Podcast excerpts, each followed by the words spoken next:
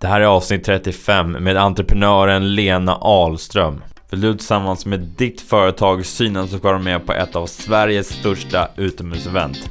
Då är Sverigedagarna helt klart något för er. Med ett grymt läge på Djurgården som sträcker sig från Junibacken till Gröna Lund och med runt 100 000 besökare är det garanterat att detta kommer bli en riktig folkfest som har något för alla. Det blir mycket happenings på samma gång. Med så många besökare blir det väldigt bra brand awareness, alltså mycket synlighet för att komma ut till nya kunder. Samt har ni möjlighet att sälja företagets produkter och tjänster på plats. Missa inte chansen. Det är ett perfekt tillfälle för ditt företag att visa vad ni går för och komma i direktkontakt med befintliga och nya kunder.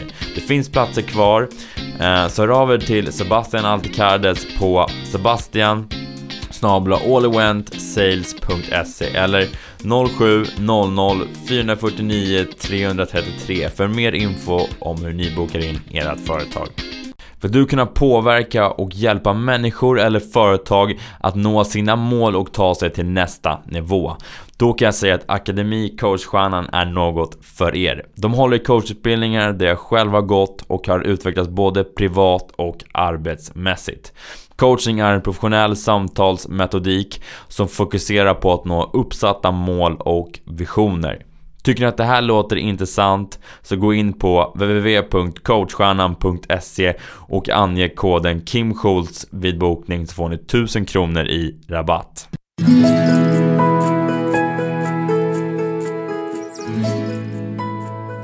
Välkommen till Bli din bästa version. Mitt namn är Kim Schultz, jag är en livsstilsentreprenör med ett stort brinnande intresse för sport och hälsa. Varje vecka kommer jag att ge er inspirerande personer eller meddelande för att låsa upp er inre bästa version. Nu kör vi!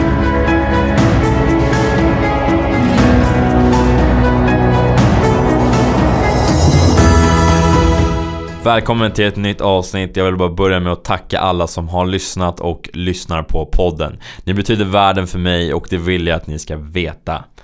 Det här avsnittet handlar om ledarskap och kommunikation. För att leda andra måste du kunna leda dig själv, sagt av en anonym. Veckans gäst är den underbara Lena Ahlström som är entreprenör, grundare och VD för Ledarstudion. Ledarstudion håller utbildningar i ledarskap och kommunikation.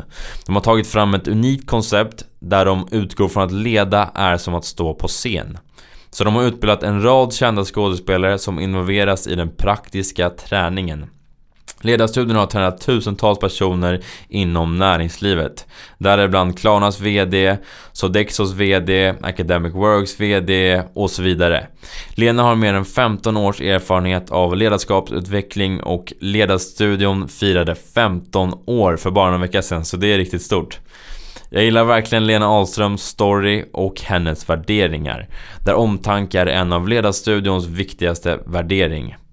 I detta avsnitt pratar vi om Ledarstudion, deras unika koncept, hur det kommer sig att Ledarstudion kom till, vi pratar om ledarskap och kommunikation, vad man ska tänka på för att lyckas där, vi pratar hur man bygger vinnande team, vi pratar om utveckling, vi pratar lite om panikångest, eh, hur våra utmaningar formar oss och mycket annat för ni hör i avsnitt 35. Utan vidare introduktion, här är Lena Ahlström. Välkommen tillbaka till podden Bli din bästa version och har med mig Lena Ahlström för en andra gång. Välkommen igen! Ja, tack! Du är den första gästen som är två gånger. Ja men visst är det fantastiskt? Ja, det är väl rätt stort. är allt bra? Ja tack, jättefint. Härligt. Mm. Vad, vad händer för dig just nu? Fredag är det. Det är fredag och jag är bjuden på tre olika glögg, ja, glöggpartyn ikväll. Ja. Olika, det företag vi jobbar med, Norrsken bland annat. Det tycker jag är fantastiskt. Det, hela dess arbete med eh, sina uppstartsföretag som ska göra gott för världen. Det är spännande. Vi har ett samarbete på gång där och det är roligt. Vad kul. Så tre glöggmingel alltså, det, ja, det blir en del. Blir ja, det något alkoholfritt då eller? Ja, hela tiden. hela tiden. Men du jobbar ju med, med ledarskap och kommunikation. Tagit fram ett rätt uh, unikt koncept. Som jag verkligen gillar, liksom att ni har tagit in uh, ja, men skådespelare som mm. ni har utbildat då. Och uh, har med dem i liksom era utbildningar i, i ledarskap och kommunikation. Kan, kan du inte berätta lite mer om just Mm. Just vad ni gör och vad, vad är, vad är, liksom, vad är ert koncept liksom? Mm. Och det är kul att du säger att vi utbildat dem för det är verkligen så att eh, skådespelarna har ju själva fått träning i att utforska sig själv och den metoden de har lärt sig, det är den de ska få våra deltagare att, att uh, bli duktiga på. Så att vad jag har gjort är att förena ledarskap och just då kommunikationen som är så viktig med verktyg och arbetssätt som man har inom scen, scenens värld. Mm. Både skådespelare som jobbar på, på teater men också inom film. Och hela, hela utmaningen är ju för människor att försöka ut, utforska sig själv på olika sätt så att man breddar sin palett av, eh, av kommunikationsstil. Mm. Och att man, mycket handlar ju om att bygga självkänsla och självförtroende. Mm. Och bli förtrogen att möta människor. Och det är inte, många tror att vi håller på med någon slags presentationsteknik men det är, ju, det, är det inte. Utan det handlar ju väldigt, det handlar om kommunikation med en människa. Mm. Möte som mellan dig och mig nu, ett möte med en liten grupp eller om man också naturligtvis ska möta en stor, stor grupp. Mm. Så de verktyg och övningar och förhållningssätt och sånt det ju, kommer ju både från ledarskap och kommunikationsvärlden men också i, ifrån teaterns värld. Mm. Och nyckeln är ju att vi jobbar jättepraktiskt. Mm. Det är det som är grejen, liksom, ja. mycket praktiskt och inte så mycket teoretiskt. Alltså. Det finns ju alltid baserat på väldigt grundläggande teorier inom, inom mm. ledarskap på alla de här områdena. Mm. Och hela naturligtvis hela teateridén med method acting ligger ju till grund för det sätt vi jobbar. Mm. Att hitta sin egen känsla i ett budskap. Men, eh, men det praktiska i det här gör ju att människor inte bara får förståelse. Jag brukar säga det att fakta ger förståelse och det är att gå på kurs. Mm. Medan vi jobbar med processen, den individuella handledningen och då gör det att man får en färdighet utvecklad och färdighet ger förtrogenhet. Mm. Ja, men jag tror man måste bygga upp den här färdigheten, den här skillen liksom, mm. och sen kunna mm. använda den därefter. Liksom. Mm. Så är det viktigt. Och det är ju inte, kan man ju inte bara gå och sitta med 24 andra personer och lyssna på en föredragshållare. Mm. Det, är lite, det är ju lite kurs. ja men precis, då, då har man fått höra det teoretiska. Liksom. Ja, ja men det är ju det. Och ja. det är också bra, då kan man ju kanske omsätta det. Mm. Men det jag vill göra är ju att i små grupper hela tiden ha det här individfokuset så att alla får individuell coaching. Mm. Men man gör en liten grupp utav likasinnade. Mm. så det, det, blir som skräddarsytt? Ja, liksom. ja, det gör det mm. hela tiden. Mm. Vi, ja, det är så kul för våra handledare som just då tränas till den här rollen att, att bli pedagoger. De, de, vi, vi, har ju samma, samma sätt att starta egentligen alla processer och övningar. Där är det, det är ju inte förhandlingsbart utan det är ju, följer ju konceptet. Mm. Men vi vet ju aldrig vad som händer sen i gruppen eller med människorna. Liksom, nu är det inte grupputveckling per se om inte det är skarpa team. Men mm varje individ har ju sin utveckling så att vi som handledare måste ju vara rustade för att kunna hitta det här som gör att vi utmanar dem. För vi mm. har ju tre uppgifter att utmana, att utforska och det viktigaste att uppskatta. Mm. Det viktigaste, precis. Mm. Utforska, utmana och uppskatta. Ja. Alla är på, på U också. Ja det var ju så. Är det samma? Tror du att jag pluggar retorik eller? Minnesteknik. Nej men det är väl lite, det, ja jag gillar ju sådär hitta lite, lite olika krumelurer i språket. Det är mm. skoj.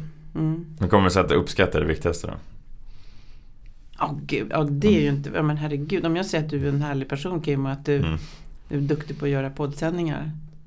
Hur känns det? Det känns jättebra såklart. Det känns ju superbra. Det gör det Det är klart, det värmer ju liksom när man får men, höra sånt. Ja, men hur ofta får vi uppskattning? Och det där är mm. ju också, det pratar jag ofta med de högre cheferna som går. Vi har ju liksom alltifrån assistenter. Alla går ju liksom våra program. Så det är ju också lite missförstånd det här att det är bara topp, toppchefer. Det var där jag började. Men, men, mm. men just det här att alla har ju möjlighet att utveckla sin kommunikationsstil. Mm. Och, och då, en fråga som kommer upp då och då det är ju att VD eller de högre cheferna får rätt lite uppskattning. Mm.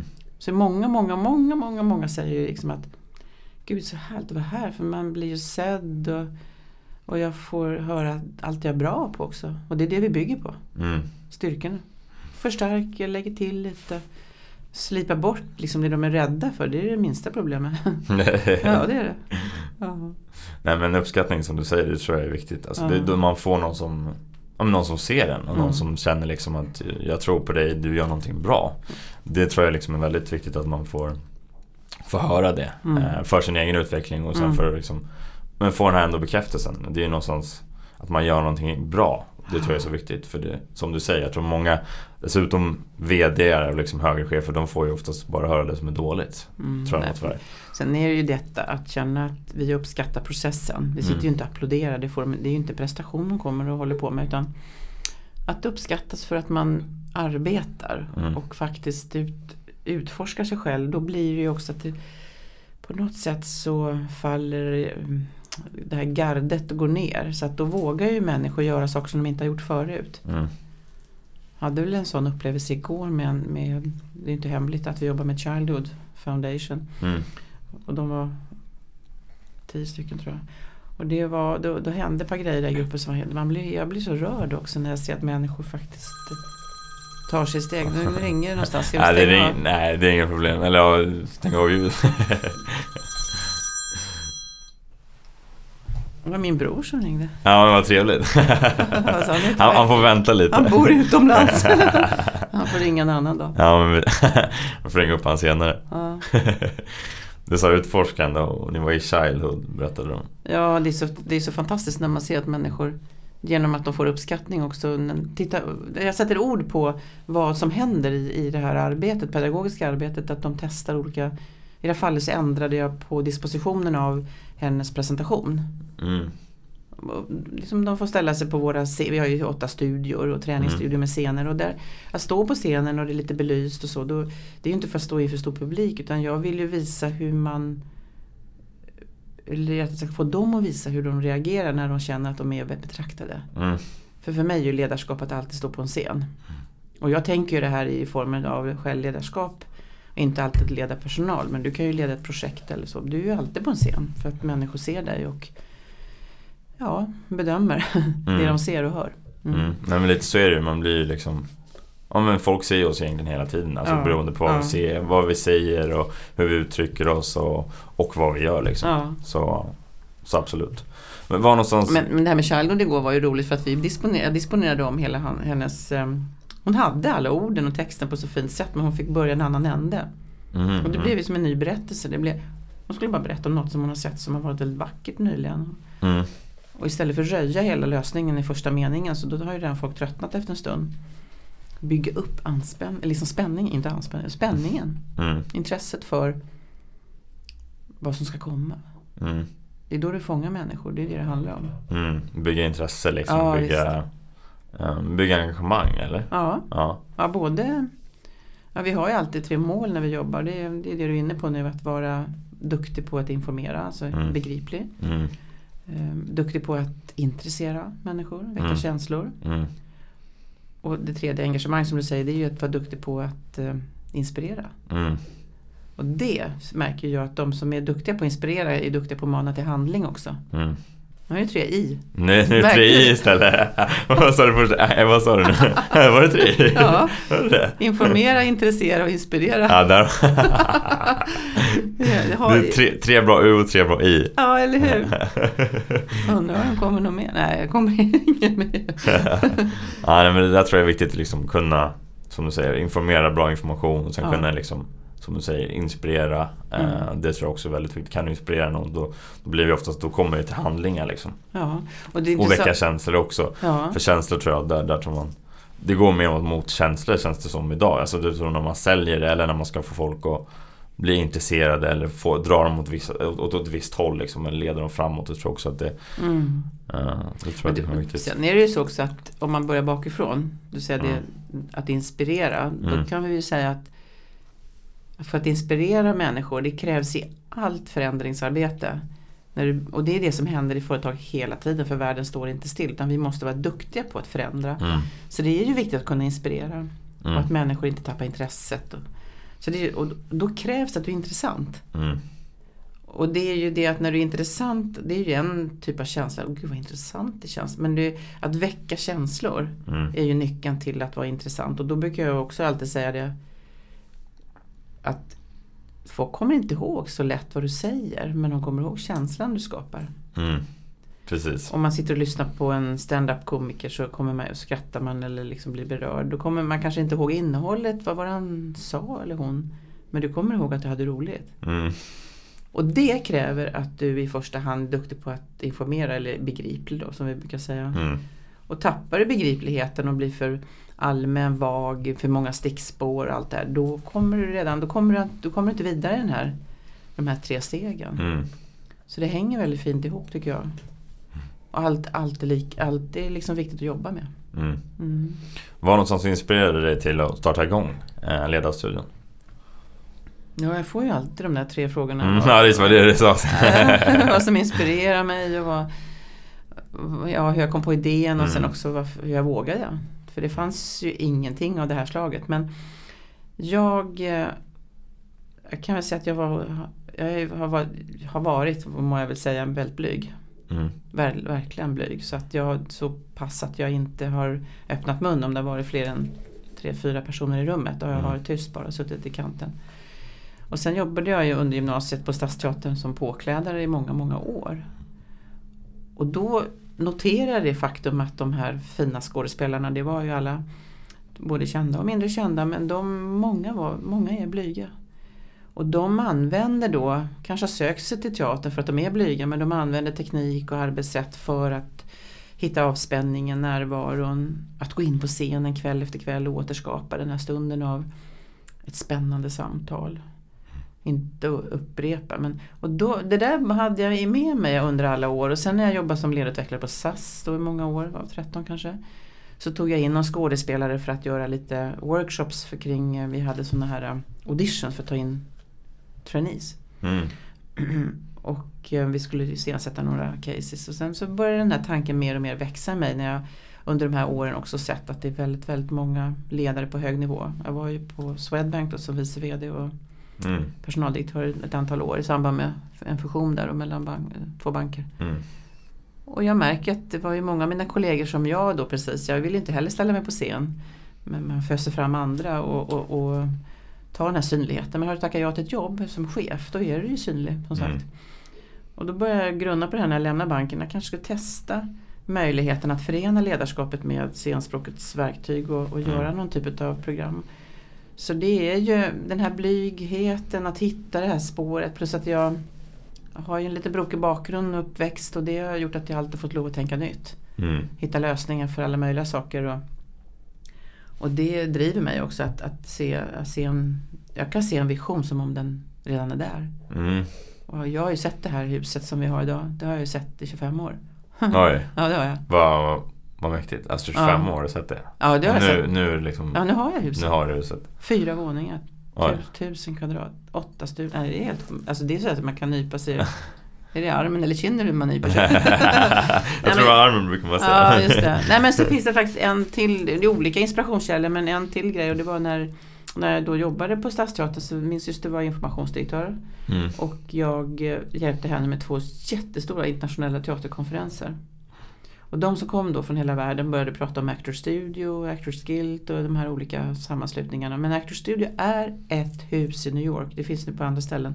Mm. Dit skådespelare som är medlemmar går för att träna på sitt instrument. Mm. Och vad är det då? Det är inte en gitarr utan det är ju jag själv. Mm. Det är ju jag. Det är Hur det viktigaste man kan göra väl? Ja, men alltså- med sig själv. Precis, att Mm. utforska sig själv. Mm. Och då är ju med, sitter medlemmarna där och har möjligheten att få återkoppla vad de, hjälpa de här personerna som får göra det här Alltså testa och göra fel och pröva och då tänker jag så här, var går ledarna någonstans för att få pröva sitt ledarskap? Mm. Och det är mitt namn då, alltså det är därför det heter Ledarstudion. Mm. Studio är ju översättningen då. Mm. Så, så har, det är väl liksom grunden och bakgrunden. Min blygsel men också inspiration från teatervärlden. Och Mm. nyttan och behovet. Vilket vi ser bara växer och växer av att jobba med sig själv och sitt kommunikativa ledarskap. Mm. Mm. Ja men det som du säger att liksom få, få misslyckas. Det tycker jag är alltså bland det viktigaste man kan, kan Mm. göra. För det är där man lär sig. Alltså det är någonstans där man utvecklas. Mm. Det är där man får reflektera. Vad funkar det, vad funkar det inte? Mm. Många är någonstans rädda för att misslyckas. Ja. Jag brukar någonstans tänka och så har jag också varit, absolut. Jag har varit så här rädd för att misslyckas. Men tänk hur kommer folk se mig och hur kommer liksom folk Mm. reagera på att jag gör någonting fel. Men jag, nu försöker jag tänka liksom att det är nog mer, det är mer en feedback. och Mm. Vad som inte funkar liksom. Mm. Eller vad jag kan förbättra. Mm. Eh, Så det där tycker jag är liksom verkligen en viktig, en viktig grej att ha med liksom. Mm. Eh, När man ska utvecklas och få jobba med sig själv. Att få misslyckas liksom. Ja, att få göra det. Och det, det, det slår mig en till sak när du säger det här just för att det, ibland när man, vi har en övning som handlar om att ställa sig på våran, de ser alla övningar är inte på scenen, de är ju i rummet överallt liksom, på mm. olika sätt. Ibland en och en, ibland två, ibland flera. Men tänk dig en person som ställer sig och ska berätta en minut om någonting som är personligt. Mm. Och så det, blir det fruktansvärt fantastiskt. Mm, mm. På en gång för att den här personen har suttit och lyssnat på de andra och förstått vad det är de ska göra med starten och få ihop de här liksom bågarna av ja, fina, ett fint sammanhang. Mm. Då är det inte så att vi kan, ja vad bra, tack ska du ha. Det är inte det utan vi fortsätter ju då och också ha idéer om hur kan den här personen testa någonting mer. Mm. Det är det som gör att den här processerna blir så spännande för att då kan man bara säga strålande, du jobbar jättebra men nu ska jag prova en grej till. Och så kanske det är något med fysiskt eller någonting annat eller man för in olika typer av förutsättningar i den här processen. Mm. För att laborera mm. och testa och prova. Mm. Och det är då det händer och det är då plötsligt så kanske kommer en känsla. Och vi möter ju mycket motstånd för vuxenpedagogik är ju svårt. Och det har, ju, har jag en stor ödmjukhet för just den här motstånden och mm. inre kritikerna. Och, hade, vi har jobbat med ett jättestort projekt med SJ nu och det är okej okay att nämna det. Och eh, då så hade vi en grupp här, de jobbar hos oss är det två plus en dagar och de jobbar som arbetsledare då för alla som är ombord och tågförare och så vidare. Så de kommer i grupper om åtta. Och det är första dagen och jag hoppade in i slutet på dagen för min kollega som var tvungen att sticka iväg. Och det är ju intressant hur väl konceptet verkligen sitter med tanke på att man då kan bara mitt i processen stoppa in eller hoppa in då och ändå kunna driva det vidare. Men mm. då var det några i gruppen som, en, de hade inte fått så mycket feedback ännu för de höll mycket på med sin behovsanalys. Men en kille där som börjar med att ursäkta sig och jag tycker det är så läskigt att koppa upp och jag tycker inte det är så bra och så vidare. Jag tittade på honom och sa det, du är ju otroligt fin. Och han blev alldeles mm. tyst liksom. Ja, men du är ju jättefin mm. och duktig och du liksom har ju en otroligt fin, fin, um, fint innehåll och lätt att förstå. Mm. Och väldigt personligt. Du gör ju en otroligt fin koppling till din egen. Vi jobbade med något som vi kallar metaforer. Mm. Jaha, han blev så chockad. Men det hände, så sen fortsatte ju det här. Det var ju så bra att han började då för att man kunde få ge honom en, en, en, en, en kvitto på att det funkar ju. Mm. Kan du inte lova att sluta vara så kritisk mot dig själv? Mm. Jo, sa han det ska jag göra. så det var ju fint. Ja, men vi var ju med om väldigt härliga upplevelser hela tiden. Mm. Kul att höra liksom. Och, Fantastiskt kul. Och få se utvecklingen bland andra människor. Det är någonting som jag också verkligen ja. vill göra liksom. Och det är ja. det jag gillar också. Som, jag håller på som coach också. Um, få se sig egna utvecklingar. Det, det är jättebra. Det är så mm. kul att se när folk mm. växer liksom. Det är, är riktigt kul. Um, vad skulle du säga, vad har du lärt dig någonstans om um, om just ledarskap och kommunikation. Alltså vad har du lärt dig om, om dig i livet liksom? Vad har liksom tar du med dig från, från Tänker du mig själv som ledare eller ledarskap generellt? Generellt skulle jag säga. Ja. men jag jobbade ju på SAS med led, ansvar för all ledarutveckling i 13 år. Mm. Fast jag kom in genom att jag jobbade först med interkulturell träning. För det var det jag faktiskt gjorde min uppsats om när jag pluggade till civilekonom. Vad är interkulturell? Ja, att man tittar, vi tittade på hur svenska företag gör för att förbereda människor att verka i en helt främmande kultur.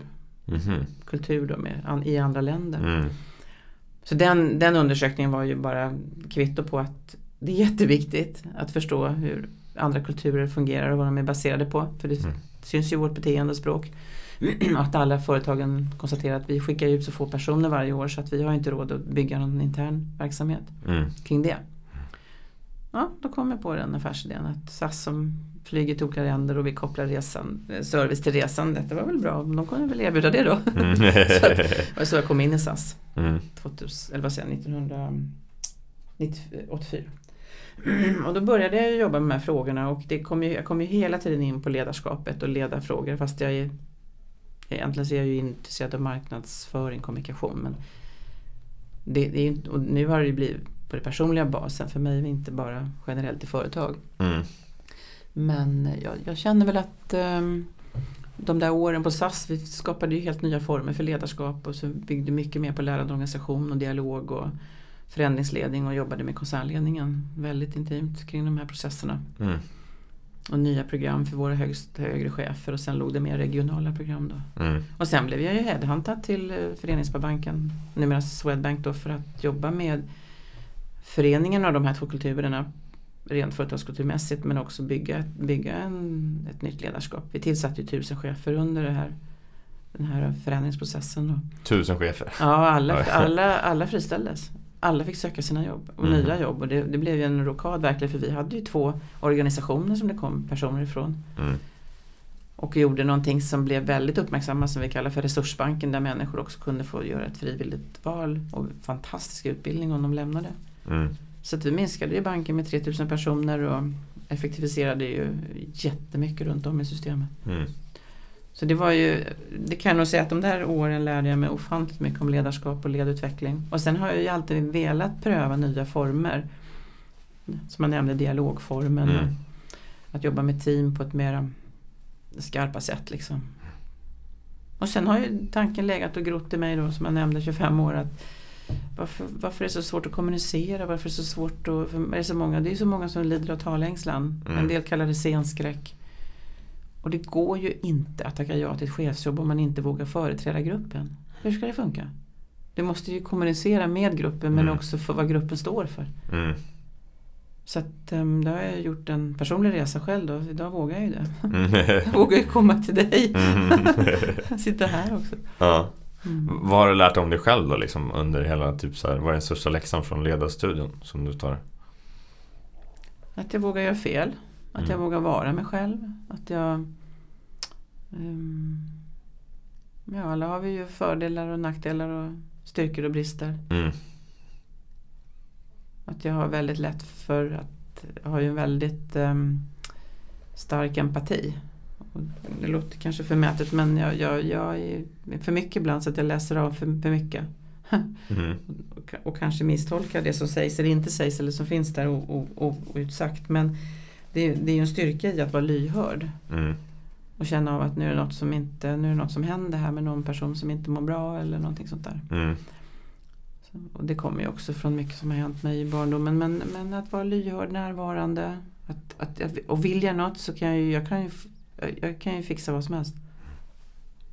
Det, men det är det som händer, man, alltså man, man utmanar liksom När de här tuffa utmaningarna kommer, det är oftast där man Det är där man liksom växer Och det är där man får liksom bygga sin karaktär, det är där man får, ja. får reflektera um, ja, men som, som Jag kan börja gå in på mina utmaningar liksom för några år sedan som um, Som jag berättade också tidigare ja. men att jag fick eh, Jag var väldigt osäker i mina tonår och uh, Fick finnar och blev, fick dålig självkänsla och eh, blev deprimerad liksom. Mm. Och vågade inte prata ut om, om just den här depressionen. Och att, så jag hamnade någonstans på krogen och eh, försökte hitta mina svar där. Eller hitta mina svar, jag rymde från mina känslor snarare. Jag försökte inte hitta några svar, att rymma från mina känslor. Mm. Um, och blev panikångesten och eh, jag lyckades ta mig ur det här som tur var då. Att jag jag började liksom jag började hitta meditation och eh, jag började ställa mig själv frågor och började själv liksom ja, men tro på mig själv någonstans mm. och, och kom verkligen ur det här. Mm. Um, har du haft några, vilka utmaningar du har haft liksom? Hur har du mm. tagit ur dem i sådana fall? Ja men det är tillbaka till den här blygseln då att, att jag inte att jag i första steget aldrig vågar säga någonting, inte ens vågar synas till att jag nu också i den här resan med ledarstudion att starta eget innebär ju att du, du som entreprenör så behöver du ju synas men i början mm. så försökte jag putta fram andra. Men sen kommer det ett skede där vi har ju en del kända skådespelare med i gruppen som bidrar i vårat, ett av våra toppchefsprogram och då är de med på hela åtta dagar så är de med eh, tre eller fyra eftermiddagar bara numera. Och ehm, så försökte jag då få, få tidningar att skriva om verksamheten men de ville ju skriva om de här kändisarna. Mm. Och det stack ju lite här inne i mitt, liksom, men herregud nu har jag kommit på en ny, nytt koncept, idé. Jag känner mig inte som entreprenör, jag känner mig mer som en pionjär. Mm. På det här området. För det finns ingen liknande mm. egentligen i Europa som har det så här sammanhållet då, som mm. ett koncept och en kontext i en sån träningsmiljö och, och certifiering av alla som handleder. Men då kände jag lite sorg över att varför, till de här journalisterna. Varför, varför har du, det är ju ändå jag som har kommit på det.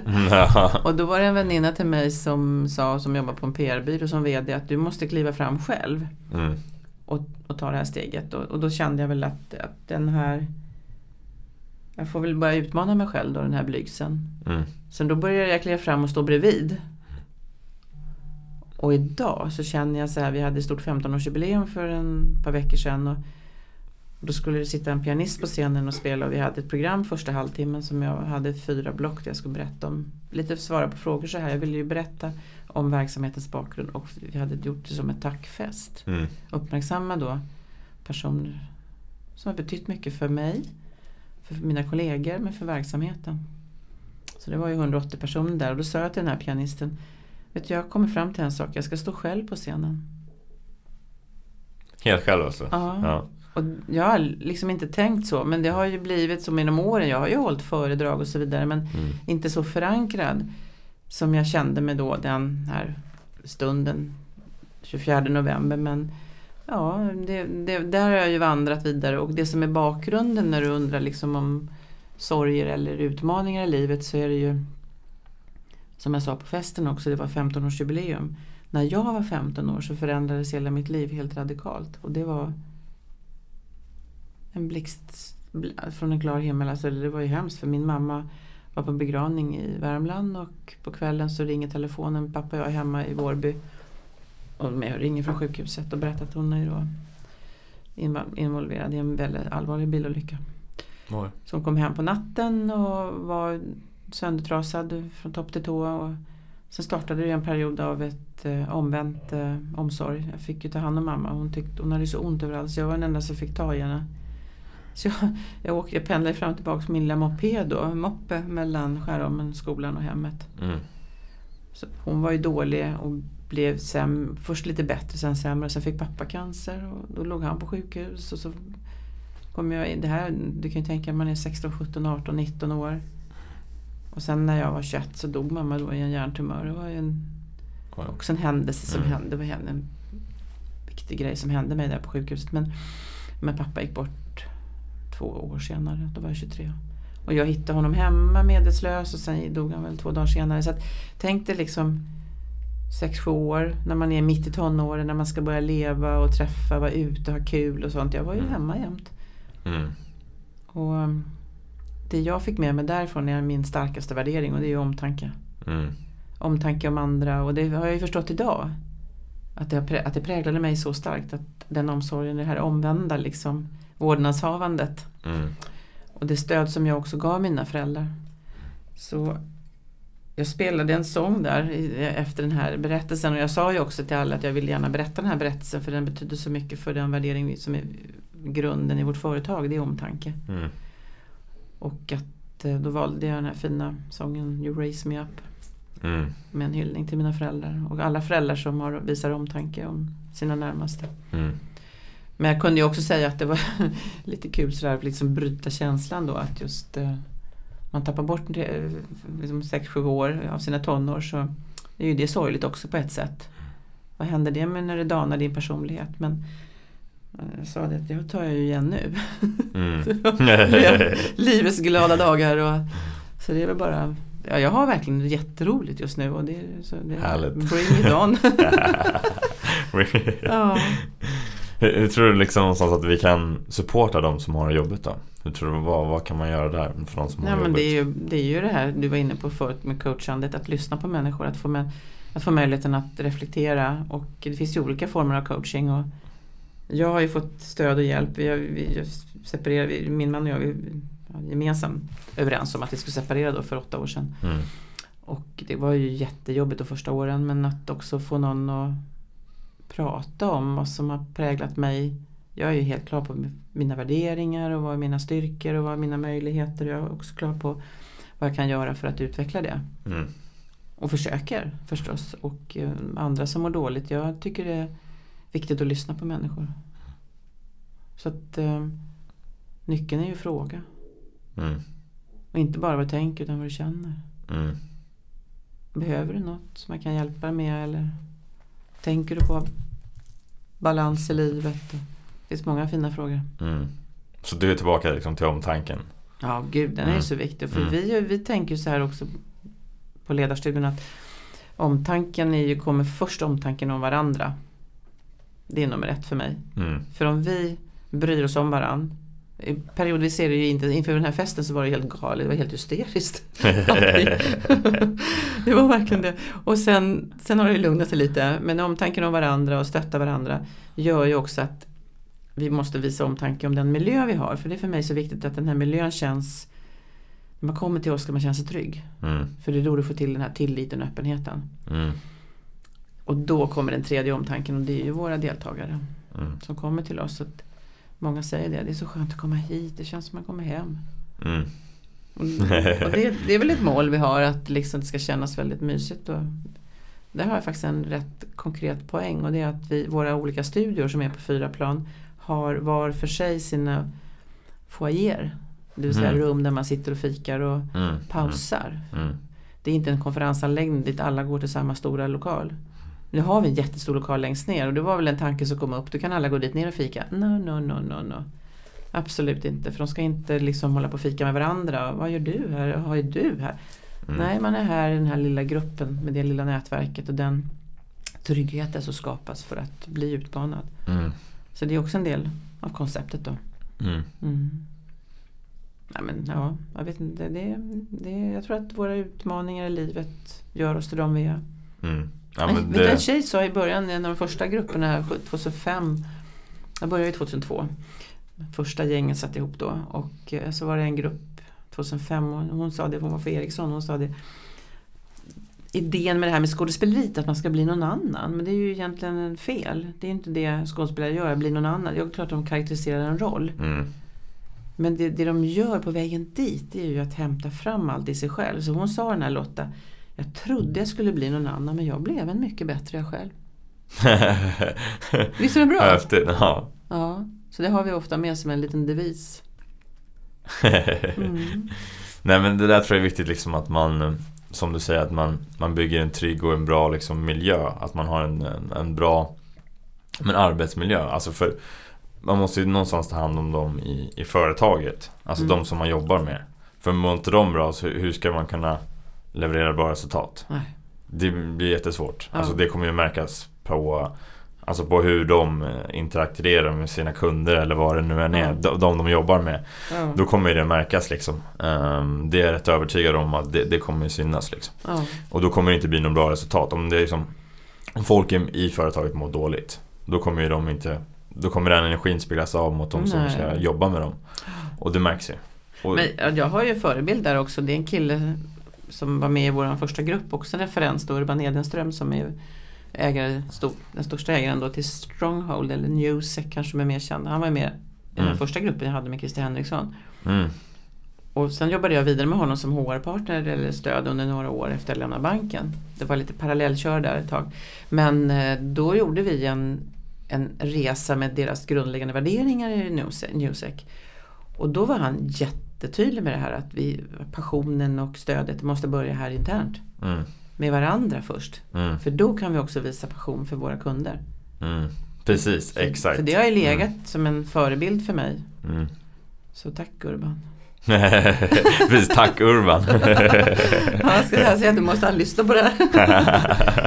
nej, men det var faktiskt eh, viktigt. Klok. Klok kille. Mm. Mm. Men jag tror man måste liksom hitta den, ja men som man säger, passionen och man måste må bra på jobbet för att sen kunna återspegla det mot, mot ja. andra liksom. Ja. Um, hur tror du någonstans att vi bygger vinnande team då liksom? Hur, hur, hur gör vi där liksom? Ja, det är ju också lite intressant eh, med tanke på vad är det som skapar högpresterande team. Mm. Och jag har ju eh, tittat, jag fick en bok för två somrar, somrar sedan om just hur den här kunskapen som finns i team integreras in i gruppen på ett bättre sätt. Vi kan kalla det kollektiv intelligens eller mm.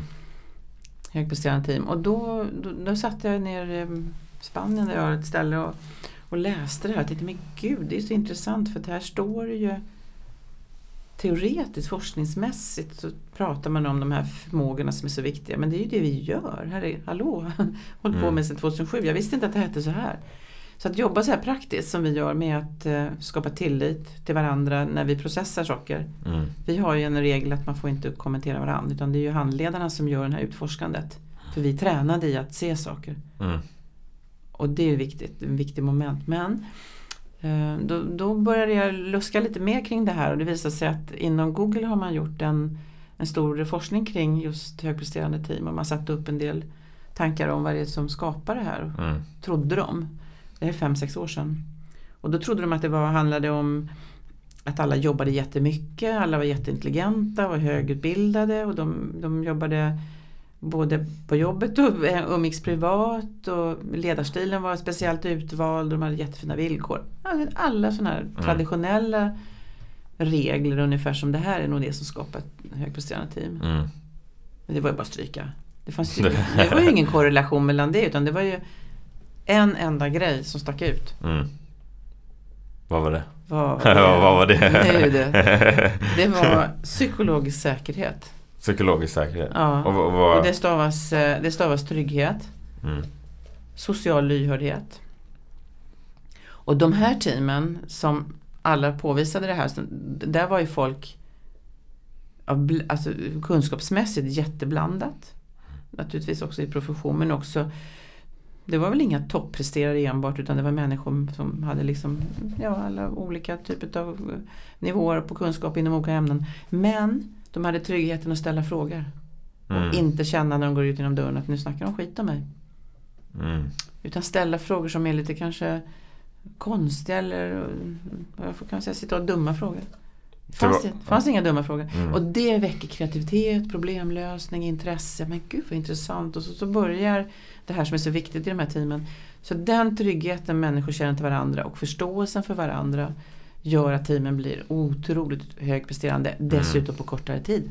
De sparade Mm. tid, de sparade pengar, de hittade helt nya vägar. Och byggde alltså en kollektiv intelligens.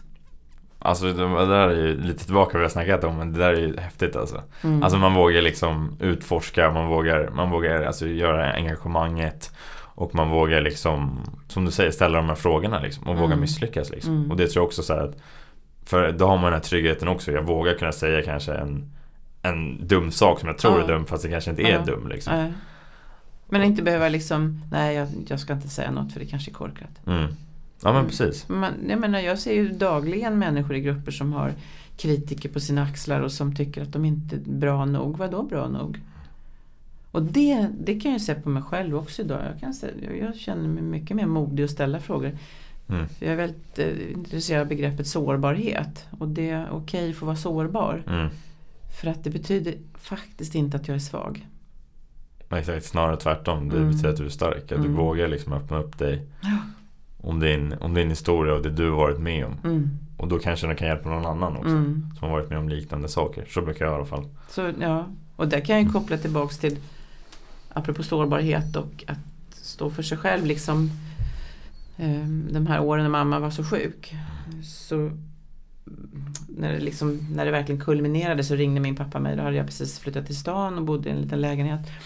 Och då ringer pappa och säger jag orkar inte mer nu Lena, du måste komma ut och hjälpa mig. De, de bodde kvar ute i Vårby. Så åkte jag ut och mamma sitter i soffan med kappan på sig, ytterkappan. Det var ju mitt i vintern det här, alltså slutet på november.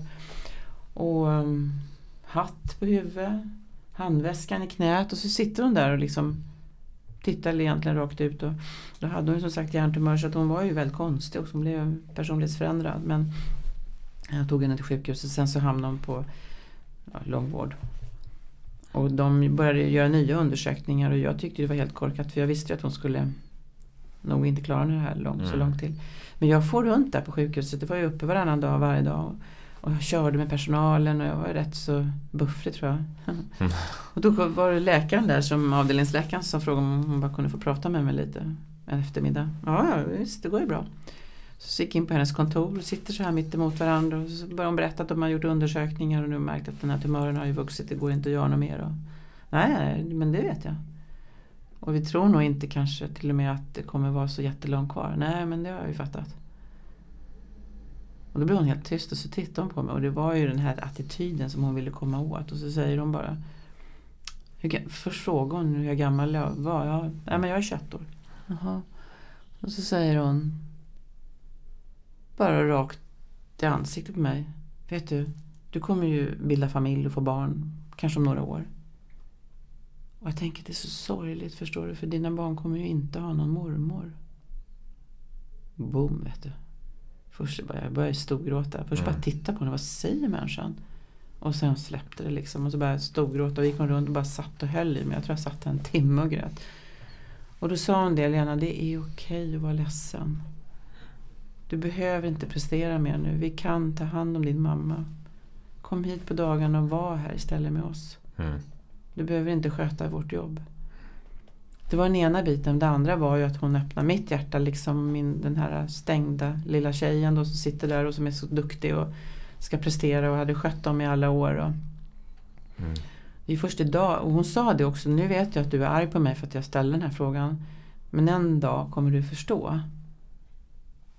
Jag blir lite rörd när jag berättar. Mm. Men alltså det är ju faktiskt så att hon, hon har ju öppnat ögonen på mig.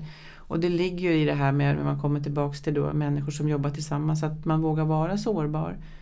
Och jag gjorde en övning med hela mitt gäng förra augusti var det kanske. När vi var ute i Sandhamn på konferens. Och, ja, vi gjorde en, det var 17 stycken och jag tänkte att vi kanske måste bryta mitt i övningen så att vi får lite energi. Det var ju inte ens tänkbart. Jag kan säga att före och efter den eftermiddagen, det teamade ihop oss. Och det handlade just om de berättelser som vi gav varandra och det är ju helt konferentiellt och hur de hade lärt oss saker i livet. Och vad var och en valde. Och det, jag hade ju mm. bara lagt alla namn i en glasburk så det var ju liksom ingen ordning på det där. Men jag råkade ta andra lappen så att jag berättade om en tillfälle när jag blev inlåst in på toalett med min mamma när jag var 12 Oj. år. Men eh, det, det, är ju, det är ju så intressant och det här Det här är nyckeln till öppna tillitsfulla team. Mm. Och det är nyckeln till livet, det är nyckeln till relationer, det är nyckeln till att man klarar av utmaningar, att man hjälper varandra, att man vågar vara sig själv. Och jag tycker att, att jag känner, jag, jag har min kollega med här nu idag, men alltså jag känner det finns ju en öppenhet hos oss på olika sätt med olika eh, i olika konstellationer förstås. Men jag tror mm. att grunden är att det är okej hos oss att få vara sårbar och få ta med sitt privata jag in i jobbet. Och, man gör saker för att det är ju hela människan. Man kan ju inte bara ta bort en del av sig själv. Man mm. är ju privat, man är personlig, man är offentlig och allt mm. Men den där händelsen med läkaren den har jag ju tänkt mycket på. Och det vet du något mer? Öppenhet och tillit och som hände där och som jag tycker är så viktigt. Det är ju det vi föds med. Mm. Alla människor.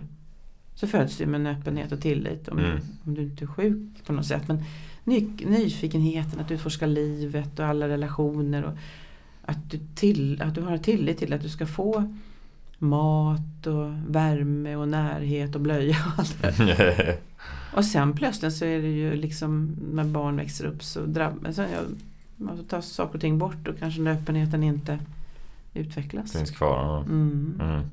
För att det händer saker. Mm. Ja men precis. Det, det är ju livets gång liksom. Det händer tuffa grejer, utmaningar och mm folk, alla, liksom man, man kanske får någon dålig relation och så blir man liksom tveksam. Det finns ju massa som händer men mm. jag, gillade, jag gillar verkligen den här storyn med, med liksom läkaren eller sjuksköterskan var det. Ja, läk, uh, överläkare. Ja, läkare, överläkare ja. Psykiatriker ja. dessutom för mamma råkade hamna på Beckomberg eftersom det inte fanns några långvårdsplatser. Mm. Så det var ju en tillfällighet, det var ju fullt överallt. Mm. Men alltså hade inte hon varit som närvarande och hade hon liksom inte hade hon inte tagit den tiden och mm. liksom uppskattat dig och liksom ja. sett dig Då hade ju förmodligen inte du haft den förändringen alltså, Kolla vilken påverkan hon har nej, gjort men Det liksom. du säger nu är ju nyckeln Det är ju ett mm. storartat ledarskap mm. Jag var inte hennes patient Hon hade inga ansvar för mig mm. Hon ville väl i och för sig göra livet lättare för sina kollegor men Men hon hjälpte mig och hon tog det ansvaret Hon såg en tjej som inte mådde bra mm.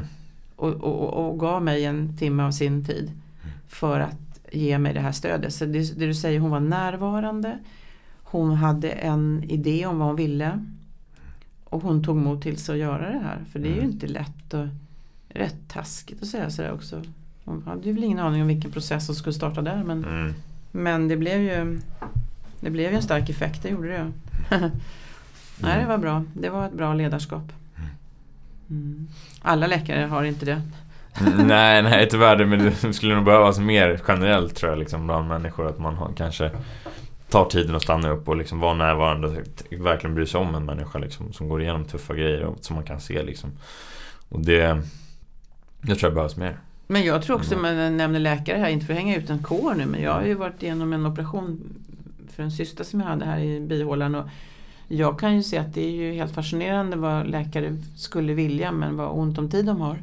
Mm. Så det är, där är infrastrukturen som, som gör att de inte får möjligheterna till att använda sin profession på fullt ut, 100%. Mm. Det är ju sorgligt. Så det är, inte, det är inte det att de inte vill men det är ju det att de kanske inte har förutsättningarna att, att kunna göra det. Mm.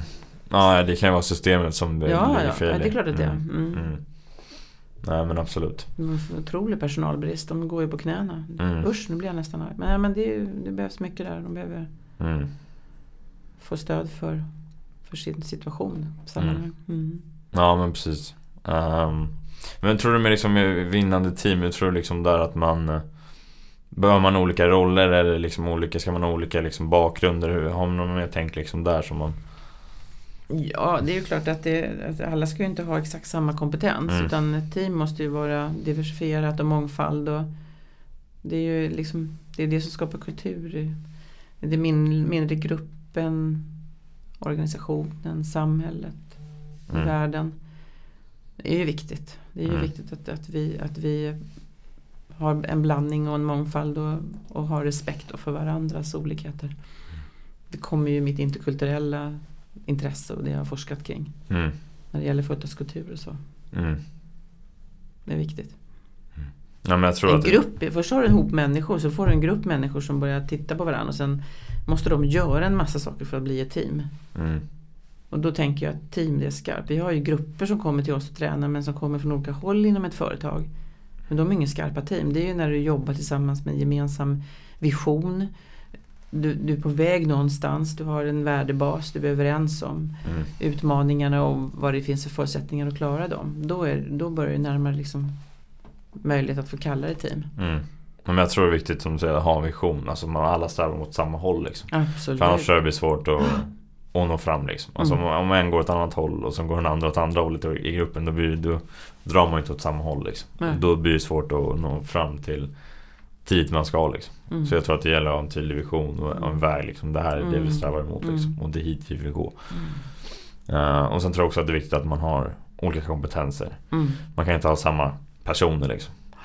Jag till exempel, jag är inte bra på, på siffror och eh, liksom räkna upp det finansiella skulle jag säga. Ändå har jobbat med finansgrejer, det är jäkligt kul.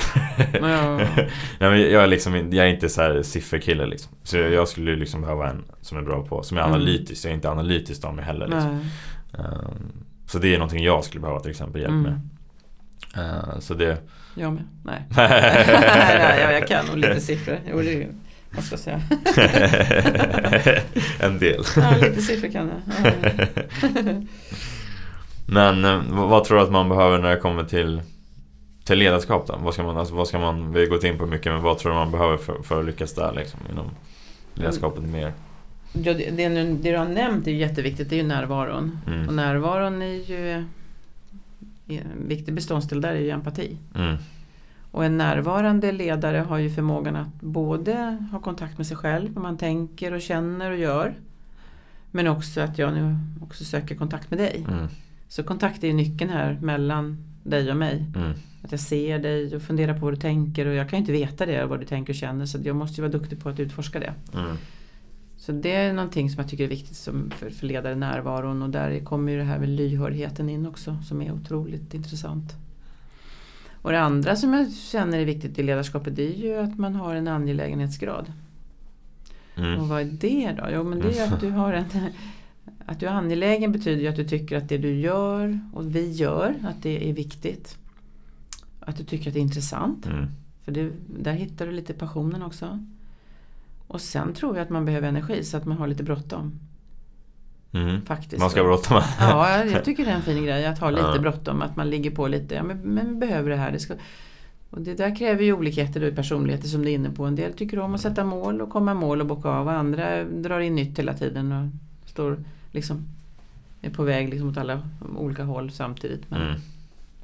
Angelägenhetsgraden handlar ju också väldigt mycket om att du funderar på vad du vill. Inte vad, utan vad du vill. Mm.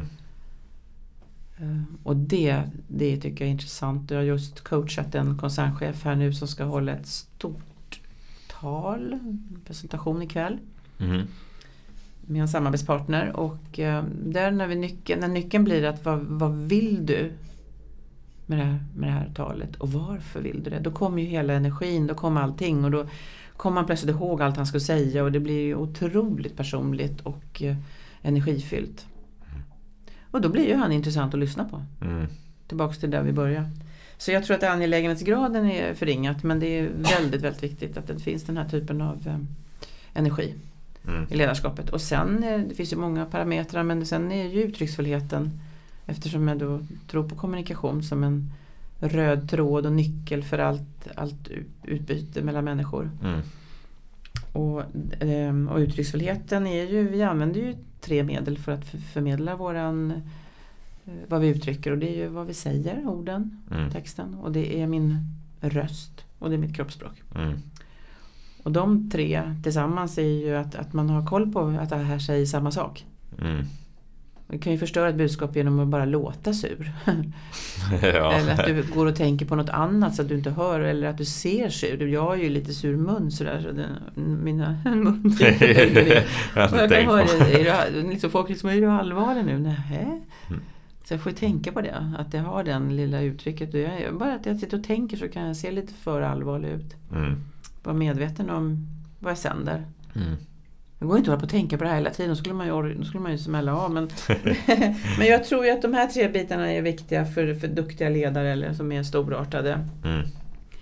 Men sen är det ju allt det här traditionella och sätta tydliga mål och följa upp och se till att sätta ihop bra team med blandad kompetens. Vara närvarande i, fysiskt också mm. i arbetet. Och vara tydlig. Ligger ju högt upp på listan också. Mm. Ja, det, man kan ju inte vara bra på allt men jag tror att eh, de, är, de här i alla fall närvaron och att man har viljan och angelägenheten och att man förstår hur, hur man kommunicerar. Det är ju jätteviktigt. Mm. Är inne på kommunicera, vad, vad ska man tänka på där då? Liksom? Du säger det här med röst och uh, hur du uttrycker dig och med kroppsspråk. Vad ska man tänka på med det där liksom? Ja, det är ju, det är ju, för det första är det ju att man, att man faktiskt det man säger har liksom samma samma sak som det som du ser ut som jag nämnde. Mm. Och jag tycker det är så intressant för att personlighet, ordet personlighet kommer ju från ordet persona. Mm. Latin och det betyder ju genom ljud. Genom ljud? Ja. ah, okay. so, sona, mm. sonar. Mm, ah, sonar. Mm. Sonny, freestyle. Eller? Ja, jo men det har Per betyder ju genom per definition. Ja. Per. Så ge, persona, genom ljud mm. manifesterar du din personlighet. Och det, det var ju som mina tjejer, jag har ju två tjejer som är idag nu 26 och 29 men när de bodde hemma, kommer från jobbet och så kommer man in, de är hemma. Jaha, hur har ni haft idag då? Mm. då kunde man ju höra liksom från Karin, eh, vad har hänt mamma? Mm. Och det är ju min tonläge som mm. gör att, ja, hur, har, hur har ni haft idag då? Istället för, hur har ni haft idag? Alltså det, mm. samma ord låter ju, undertexten avgör ju helt. Mm. Och där kommer den här personliga känslan in och vem det är. Så att jag, där tycker jag nog att um, det är viktigt att förstå när man kommunicerar att allt sänder. Det är väl nyckeln, att ditt kroppsspråk sänder mer än du någonsin anar därför att människor, människors starkaste sinne är synen. Mm. Och det gör att jag läser ju av dig. Mm. Nu sitter du och ler hela tiden så att jag, jag, det blir, ger ju mig energi. Ja, det är bra. mm. Och det är, ju, det är ju, då läser jag kroppsspråket, du säger ingenting men jag ser ju det. Jag ser mm. dina ögon, de glittrar också dessutom. Nej, men det blir ju så att det är det som, när man ser någon som ser ut som en död sill, det är ju ingen kul. Då blir man ju inte, då får man ingen energi. Nej, det är inte så mycket energi. ja, du har också en glittrande ögon Hanna. Det har du verkligen. Precis, Hanna är med här också. Ja, min lilla kollega, alltså min, jag ska säga lilla, min, min underbara kollega. jag var en decimeter längre. det är viktigt. Nej, det det. Jag, bara, men jag använde fel ord. Nej, men det är liksom så roligt att, eh, att börja utforska det här med hur man ser ut i kommunikationen också. Mm. Att, det, att, man förstår att jag menar, 90% är ju det som sägs, inte orden utan det som sägs genom kroppsspråk och rösten. Då fattar men, man att det, det är mycket alltså. 90 Ja men 90 det brukar jag säga så. Mm. Och det kan man ju debattera. Men i alla fall, jag tror på det för att Jag kan ge tusen exempel på när man bara med samma ord förstör Mm. ett budskap. Mm. Bara hälsa folk välkomna på olika sätt. Det går ju att göra på hundra sätt. Men, Ja, men det, är det är ju viktigt och då betyder det ju liksom att, eh, att man måste vara medveten om det här. Och folk lägger ju mest ner tid på de där orden när de ska förbereda något istället för att tänka på inte vad jag ska säga utan hur. Mm. Hur vill jag uttrycka det här? Mm. Alla, alla behöver jobba med sitt kroppsspråk och sin röst och sitt sätt och sätta det samman med den känsla och budskap man vill förmedla. Mm. Mm. Men sen en annan grej jag tänker på när du pratar om med att kommunicera och som är viktigt det är ju att förstå sina värderingar. Mm. Vem, Det- det- ja. vem är jag?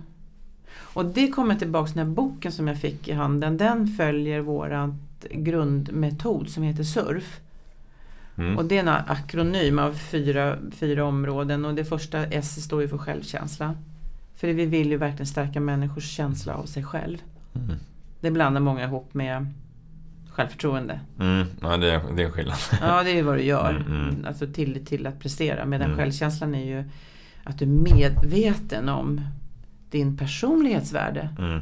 Det är ju självkänslan. Och U här det är ju uttrycksfullheten. Och F, R sen i den här surf. Det är ju då relationsförmågan och sista bokstaven F står för fokus. Mm. Och det var det vi pratade om, att ha närvaro, en inre, ett inre fokus men också ett yttre fokus. Mm. Så inom de här fyra förmågorna eller områdena så jobbar vi ju med Självkänslan jobbar vi ju jättemycket med dina värderingar och vad det är som driver dig och som gör att du förstår medveten om dig själv Mm. och ditt värde. Mm. Så det där området är ju får man ju inte glömma bort liksom. Nej men det där tror jag är viktigt som du, som du säger liksom att hitta sig själv och, och vara närvarande som vi är inne på igen. Eh, Det, det är liksom att man måste ju någonstans Vet man inte vem man är själv, hur ska man kunna leda andra? Och hur ska man kunna kommunicera med andra om man Nej. inte Vem är jag? Vad står jag för? Ja, Vad är mina värderingar? ja det är nyckeln. Det, det tror jag liksom Ja. är jätteviktigt. Alltså när det kommer till både ledarskap och liksom kommunikation. För annars blir det nog svårt att förmedla någonting om du inte vet vem du är själv. Liksom. Eller vad du står för. Eller, ja, som vi har varit inne på. Liksom. ja, det är ju nyckeln tillbaka till din fråga tidigare vad som har hänt med mig. Att eftersom jag har blivit så klar på vilka värderingar som driver mig. Mm. så är jag ju mer trygg. Då blir jag ju mer ehm, medveten och förtrogen Mm. med att jag klarar nog det här. Men jag vet ju vad jag måste göra för att hamna i den här situationen och, och ställa mig inför 700 människor på kvalitetsmässan i Göteborg. Mm. Det är ju så. Nu, ja, nu gör vi det. I år var det helt chockartat. Det bara välde fram folk Mm, efteråt. Jag bara stod och tittade, men gud, och slet broschyrerna och grejerna i mina händer. Jag var så, men vad har hänt? Men det är den här inre tror jag, tryggheten som jag nog sänder idag. Mm. Att jag tror på vårt koncept och brinner för och sådär. Det är någonting större än dig själv liksom, eller? Vad sa Är det du? någonting som är större än dig själv känner du liksom, eller hur? Vad då större än mig själv? Ja, när du står där på scenen, alltså det är liksom Ja, men jag känner mig tryggare, mer förtrogen att jag, Mm. att jag får stå där. Jag har ju Mm. kanske förbjudit mig själv att få göra det förut. För att jag har ju haft en inre röst som har sagt att jag inte duger.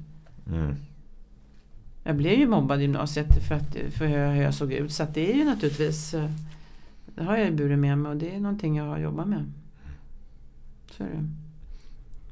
Men det här med värderingar är ju roligt också för att när vi har de här grupperna så frågar ju vi folk liksom, vad är dina tre starkaste värderingar? Och då sitter de ju som fågelholkar. Det är ju väldigt få som kan svara på det. De vet inte det alltså? Nej, Jaha. men det, det är Mm. 99 procent. Oj. Det det är rätt mycket alltså. Ja, det, alltså det är typ allt. Ja, men det är typ alla. Ja, det är väl typ alla. Nej, men, Ja. ja. men istället, vilka är dina, vilka, och då sitter folk och tittar så här och så tänker de nog så här, jag hoppas du inte frågar mig. men jag frågar ingen för jag säger att det här är precis det som händer varje gång. mm. Därför våra värderingar är inte så lätta att sätta på. Men när jag, när jag, om jag skulle ge er några nycklar nu så skulle ni kunna komma på det.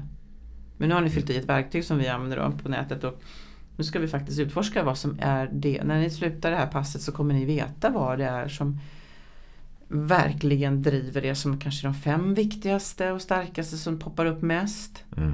Och de som stöttar dem och som gör att du hela tiden utvecklar det. Och där, där tror jag ju på den här behovshierarkin att man att man på något sätt i botten har en, eh, ett behov av att till- tillfredsställa de mest basala värderingarna. Att, att värderingarna, det är ju när vi frågar liksom vad de är till för, jo men det är ju för att tillgodose våra behov. det är ju våra drivkrafter. För vi, vi, det, är, det är någonting vi strävar efter hela tiden. Att, att eh, definiera omedvetet, medvetet våra behov.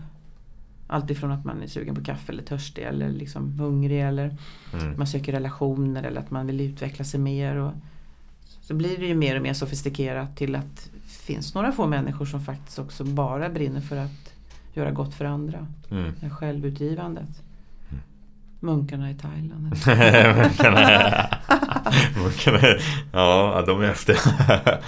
ja, men kan, du, kan du tänka ut, du kan få uppgift av mig och ringa mig om några dagar om du kan komma på en mm. person som enkom jobbar för eller verkar och lever ska jag säga för att bara det här självutgivandet, bara göra gott för andra. Mm. Ingen egen vinning. Mm. Inte på något plan, varken intellektuellt eller känslomässigt. Mm. Ja, det där är nog svår, mm. svårhittat alltså. det kanske är de då. Ja, lite kan man väl. Lite kan man men de vill också utvecklas tror jag. Ja, någonstans. ja men det finns ju, oftast är det någon typ av eget behov som ligger bakom mm. det här. Men, mm. men det spelar ingen roll. Men i alla fall det är ju viktigt att, eh, att man också accepterar att det är viktigt att få ett självkänslan och inte nog med det också det här med utveckling, självutveckling. Mm. Men eh, tillbaka lite när du säger att du Hur, liksom, hur har du tagit upp på den här scenen då? Alltså från att vara så här liksom Haft sådana här tal, ängslan och varit talrädd För jag är också lite så här Talrädd mm. liksom hur, hur får du modet att stå där på scen liksom? Idag? Jag själv? Ja, ja precis Därför att jag använder de verktyg som vi tränas upp i. Eller vi tränar upp andra i själv. Mm. Och förbereder. Jag menar, det är klart att jag ställde mig inte på vårt 15-årsjubileum och, och höll i en programpunkt som var 40 minuter lång. Varvat med mycket genomtänkta val av låtar. Mm. Jag hade ju jobbat med det rätt länge och tänkt mm. igenom hur, och, och jag hade satt ett tema för kvällen som var tackfest. Och sen så blev den röda tråden omtanke. Mm. Så alla fick ju ett sånt där pärlhalsarmband också med omtanke i i sitt placering sen när de gick upp till middagen. Så det blev lite roligt för det liksom, jag känner att efteråt nu när vi har fått återkoppling från festen att folk verkligen Det kommer upp nya grejer på nätet och på annat sätt hela tiden när folk går tillbaka till den här festen. Och ett under, under vad ska jag säga, ett mål jag hade som inte var uttalat det är att jag tycker alltid så roligt när vi har fester att de känns som att det är en privat fest fast det är ett företag. Mm. Och har man den tanken att det ska kännas som att det är en privat fest då blir det ju då blir det annorlunda. Så runt, vi satt ju runt bord åtta personer vid varje, sju, åtta. Mm. Och eh, när man går på företagsgrejer så får man ju presentera sig. Med privata fester gör man kanske inte det. Men, men i det här fallet så fick de göra det på ett privat sätt. Berätta vilka de var runt borden. Mm. Och de ville ju knappt gå från middagen men vi hade ju middagen i, på olika ställen. Vi hade ju hela kvällen på olika ställen i huset. Då, mm. så att, eh, fick bryta upp då. Men det gör ju också att det känns positivt att när man har så kul att man slutar när det är som bäst. Mm. alltså jag gick inte hem för fem så det var ju Det var jättekul. då, det var då måste det kul. det var jätteroligt. Nej, vi körde lite musikquiz där på natten några stycken. Nej, det var skoj. En smart grej, alltså liksom få folk att känna sig bekväma och liksom ja, men ha, ha kul där liksom istället för att det blir den här det blev helt mm. galet mm. roligt för en del liksom, jag hörde plötsligt att det var ett, ett gäng som sa vi är bästa bordet. Och, så, och de kände ju inte varandra från början. Va? Och sen så hade Nej. de ju gått lag, de började, för jag hörde att de höll på att applådera hela tiden. Vad gör ni? Nej men vi har hört här fantastiska berättelser från olika personer här. Mm. Vad de har gjort i livet och sådär. Och då blir ju ett annat bord lite småsura så då blir det snyggaste bordet. Och då, det där, och satte det igång alltså? Ja, det satte igång en världens grej då för att det blev så uppenbart och vi blev det mest nyfikna bordet. Och, ja, det var en galna grej. men, det är, nej, men det är ju det som gör, apropå bygga, bygga relationer och nyfikenhet om varandra. Mm. Alltså de här viktigt. gängen skulle faktiskt kunna resa upp och prestera, fått en uppgift och presterat. Apropå team. Mm. Det är jag helt övertygad om för att de börjar lära känna varandra på ett annat sätt. Oväntat sätt. Mm. Så det är ju en nyckel. Verkligen. Så det är ju vad representerar du, vad, hur integrerar du själv in i gruppen. Mm. Hur bygger du relation med människor och sen inte minst inte glömma bort det här utveckling som bygger på reflektion. Mm. Mm, det har vi viktiga saker. Det var viktigt. Men 15 eh, år liksom, det är stort. Mm. Grattis till att börja med 15 år ja, liksom. Tack. Vad, vad, vad har hänt liksom på 15 år? Vad, hur har utvecklingen varit? Liksom? Ja men alltså det börjar med kontor hemma i lägenheten. Ja. Och då, det är tråkigt för de som är hemma att jag har jobbet hemma. Så det var ju, då hyrde jag lokaler, teaterlokaler och vi var på Teaterhögskolan första året, jag och Christer. Mm. Och sen började den där drömmen väckas om för det första få ett kontor på stan och sen så tänkte jag jag får hitta något i Vasastan för det, var där, jag bo, det där bor jag ju. Mm. Av en händelse, ibland har man ju tur, så kom vi in i det här huset som är en gammal skola. Vasa högre flickskola heter det. Ett Mhm. jättefint hus vid Vasaparken. och sen har vi med vår hyresvärd kunnat växa under de här åren från då första 60 kvadraten och en liten, liten studio till att vi fick hela den våningsplanet 250 med en stor studio, det var 2007.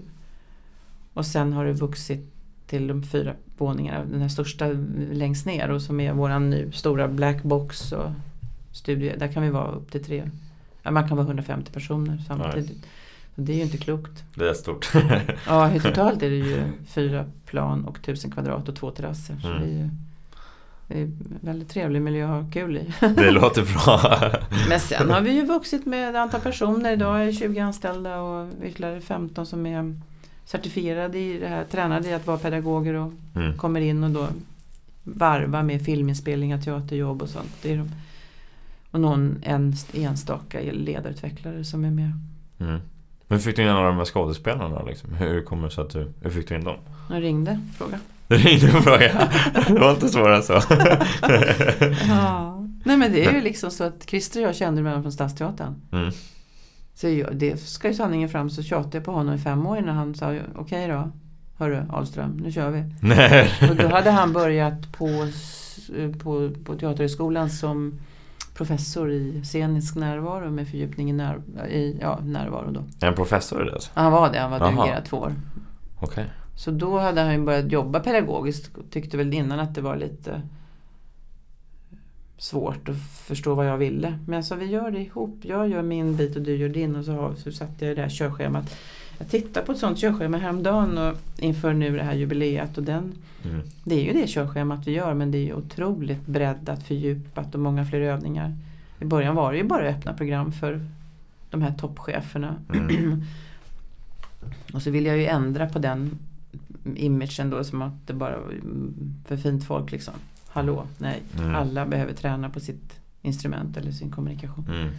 Så idag är väl kanske 65% av vår verksamhet skräddarsydda program för internt i företag. Mm. Och då kommer ju alla från samma kulturorganisation. Mm, okej. Och då kan man vinna så mycket mer. Dels, är det, dels blir det mer kostnadseffektivt för organisationen än att skicka folk till de öppna programmen.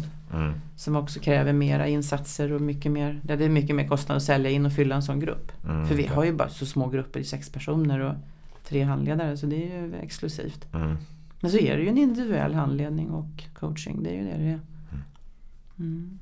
Ja, spännande Så verkligen. har ju, ja, men jag har ju vuxit organiskt. Så jag har ju, jag har ju, vi har ju lagt på fler grupper och där är liksom, efterfrågan har ju vuxit för våra finaste kunder i referenserna som kommer av de som är med i programmen. Och jag möter ju människor som har gått för två år sedan, fem år sedan, tio år sedan och som säger Ja. det är bästa jag har gjort. Jag använder verktygen fortfarande. Vad kul alltså. Då har, då har man ju kvitto på att det, Ja det är det fungerar ju liksom. Jag känner mig otroligt tacksam. Mm. Så nu har vi ju faktiskt verkligen Actors Studio eller Ledarnas Studio och har skapat ett, ett, ett affärskontaktnät så kallar vi det för. Mm. Som vi kallar för Nya Master Studio och det är ett medlemskap som man kan gå in i som knappt kostar någonting och så får de komma en gång i månaden så arrangerar vi en kväll för utbyte, kontakter, jobba lite med verktygen och röst och kropp och text. Mm. Och sen ta upp en intressant fråga varje gång som handlar om en dialog kring någonting i ledarskap och kommunikation. Mm. För det finns en sån fantastisk kompetens i den här gruppen. Mm. Och det utbytet. Och sen också de har attityderna att hos oss får man, kan man prata om allt möjligt.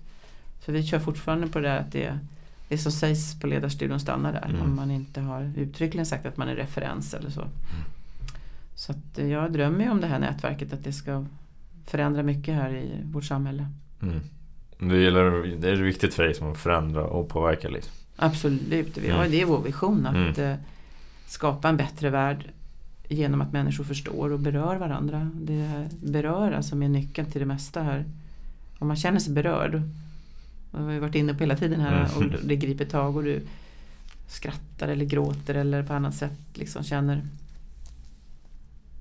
Ja, känner, känner något. Mm. Inte bara tänker, känner något. Mm. Det, då kan man ju välta berg. Ja, men jag har ju gått igenom en hel livsförändring det senaste året. Det är ju helt sjukt egentligen men eh, så är det så. Så det är ju mm, det, det, kan ju vem som helst göra om man bestämmer sig för att jag ska ändra på min livsstil. Mm. Ja, häftigt. Jag tror att det, som du säger, när man väl kan beröra liksom och kunna ja, men, eh, kunna våga sticka ut och göra någonting. Mm. Alltså, och, och tro på det liksom verkligen. Mm. Så tror jag att det mesta är någonstans eh, är möjligt liksom. Eh, men det är som viktigt som du säger, att beröra liksom. Mm. Att, eh, att inspirera som vi tidigare var på. Det är då man kan få människor tror jag liksom. Och, mm. och man kan få med sig människor liksom. Och kunna göra någonting större. Mm. Det är också viktigt, som, om man ska göra skillnad så tror jag att man behöver vara flera. Liksom. Mm. Man behöver bygga liksom en, en större skara och kunna liksom förändra. Mm. Ja, häftigt. Vilka frågor tycker du människor borde ställa sig själv mer? Ja, men det går ju tillbaka till det här vem man är och vad man vill. Mm. Det är ju jätteviktigt och att alltid, alltid tänka vem är det jag möter nu. Så att det blir liksom den här lyhördheten för sammanhanget, situationen. Och det tar ju tid. Det tar ju tid att uh, hela tiden vara och det, det ju, kräver ju mycket energi också att vara väldigt uppmärksam. Empatin som jag nämnt här tidigare det är ju förmågan att kunna smyga i någon annan indians mockasiner. det är fint. Och det är jobbigt alltså. Om de skorna är små eller, mm. eller hur det nu är. Kanske mm. för stora och släppa det fram. Men det är ju så svårt att sätta sig in exakt i hur andra tänker. Så att det bygger på nyfikenhet och fråga mycket. Och, mm. och det gör ju också att när du, du var inne på det också, att kunna leda sig själv är ju nyckeln för att kunna leda projekt eller verksamhet eller andra människor. Mm. Och det har alltid varit en, en viktig, ett viktigt förhållningssätt för mig. Jag vet inte om jag svarar på frågan. Gjorde jag det? jo, du, du, du sa antagligen vilka frågor borde man ställa sig själv mer. Men, uh, ja, men det är väl viktigt att veta vem man är och vad, mm. det här med värderingarna och vad man drivs av. Och, mm. och förstå vad man, vad, vad man har för behov. Mm. Ja, och det är återigen tillbaka till att vi inte kallar det för kurs för då har du liksom satt ett, ett, ett format från början. Det här ska vi undervisa om. Utan vi börjar ju med behovsanalysen och titta vad behöver du jobba med? Vad är det som skrämmer dig? Eller vad har du för styrkor? Hur kan vi bygga på allt det du har i dig? Mm. Och det är därför jag tjatar om att ändra kallare program men också trycka på det faktum att det, att det inte är en kurs utan att det är en individuell handledning. Och vår PR-byrå frågade mig vad, vad, vad, tänker du med mina kurser? Då frågade jag henne och sa men om du skulle ha en coach ett år, är det en kurs? Nej, nej, nej. Ja, det har du så. Det är ju ingen kurs. Du, du, du, du, får, men vi gör ju det i grupp. Mm.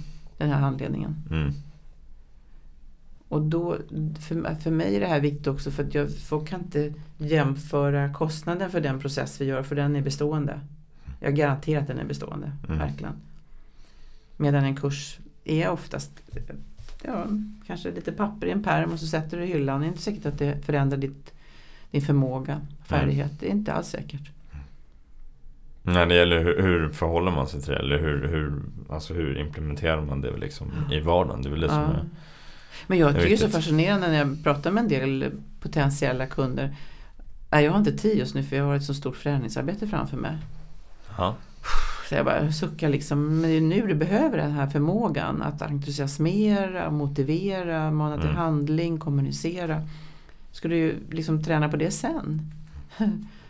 Det är därför man förstår mm. inte. Det, vi har ju det utmaningen att få människor att förstå att du, det är ungefär som du investerar nu i den här förändringen ska ni investera i ett nytt datasystem. Mm.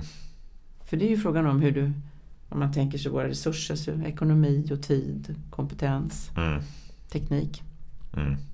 Det är det man kan investera i. Och mm. man, här är det ju verkligen att investera i kompetens. Det tror jag är det viktigaste. Och där tror jag många företag är fel. Investera i teknik och systemen. Investera i de som jobbar i företaget. Mm. Då helt, kommer de växa kompetens alltså. Ja. då kommer det växa desto mer. Då kommer det generera mer pengar och då kommer det bli då kommer mer framgångsrika också. Det, är liksom, det tror jag verkligen på. Mm. Så där tror jag många gör fel. Mm. Nej, jag är helt, helt med. Helt, mm. Jag är helt övertygad om att det Nej, jag har inte tid just nu för jag ska förändra. men jag vill inte spara tid. Du kommer spara massa tid för du kommer ju förbereda dig mycket snabbare. Du kommer få människor att förstå vad du säger istället för att säga samma sak fem gånger. Mm. Liksom, hallå? ja men vi effektiviserar också liksom mm. bland i, i, som i, ditt, i ditt företag. Liksom. Mm. Så att, du, så att kom, alltså, informationen går fram också liksom, mm. istället för att Nej, det där det, den, den frågan borde människor ställa sig fler. Lite fler gånger. ja. ja. Ver, verkligen. Nej men det Nej, jag har inte tid. men sen, det är så roligt, en del liksom tycker att det är så långt program det här. Ja, nej, men allting som vi lär in på det här sättet som är förändra beteendet, det måste ske över tid. Mm. Och nyckeln är att, precis som barn, vi måste få sova på saken. Mm. För det är då det fastnar i motoriska minnet. Inte bara huvudet, utan hur du gör. Får reflektera. Liksom. Ja, gud det är så mm. viktigt. Och att göra då över tid eftersom det är så många moment. Ändå har ju vi faktiskt rätt högt tempo i de här olika passen som vi gör. Mm. Hur långt det är Men, liksom? Ja, det finns program, öppna program då på åtta dagar som är, ligger på ett halvår. Och sen mm. är det då fyra dagar på ett kvartal, tre månader. Mm. Men ehm, då, då räknar jag in tiden före när man gör en del analyser och så. Och sen finns det ett efterarbete också följa upp. Men i alla fall så behövs det tid för att det ska landa i kroppen. Det är viktigt. Jätteviktigt tycker mm. jag. Men det, det roliga är att en del som då tycker, oh, gud hur ska jag få tid för det här? När de väl har startat processen, de, vill inte, de tar bort möten, de ändrar allting i agendan för de vill inte missa en sekund.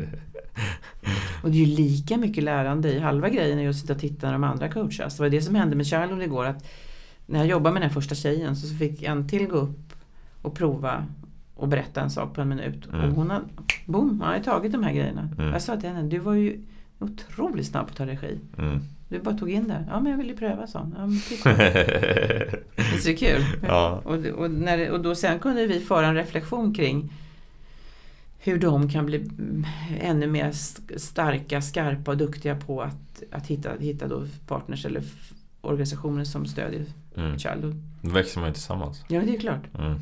För de ser två människor, när vi ger de här två så mycket uppskattning då som jag nämnde förut och stöd i att de är så duktiga på liksom att snabbt fånga den här mm. regin om du vill kalla det för det. Eller mm. det liksom, då blir, blir de stolta men, men även kollegorna blir stolta och respekten växer i gruppen. Det är ett nyckelord, respekt. Mm. Det, det växer ju. Och plötsligt så hade de ju massor med bra lösningar på hur de ska jobba med de här kontakterna de har externt. Mm. Så det är ju roligt. De skulle bli lite gutsy, vet du vad det är? Gutsy, det är ju lite kaxiga ja, eller? Ja. Visst är det? Ja. Lite, kax, lite kax, men korrekta. För ja. de jobbar ju med fruktansvärt viktiga frågor. Kring utnyttjande av barn och mm. problem som... Ja, de gör ett viktigt arbete. Ja, de mm. gör skillnad. Mm. Vad är du mest tacksam för under den senaste tiden?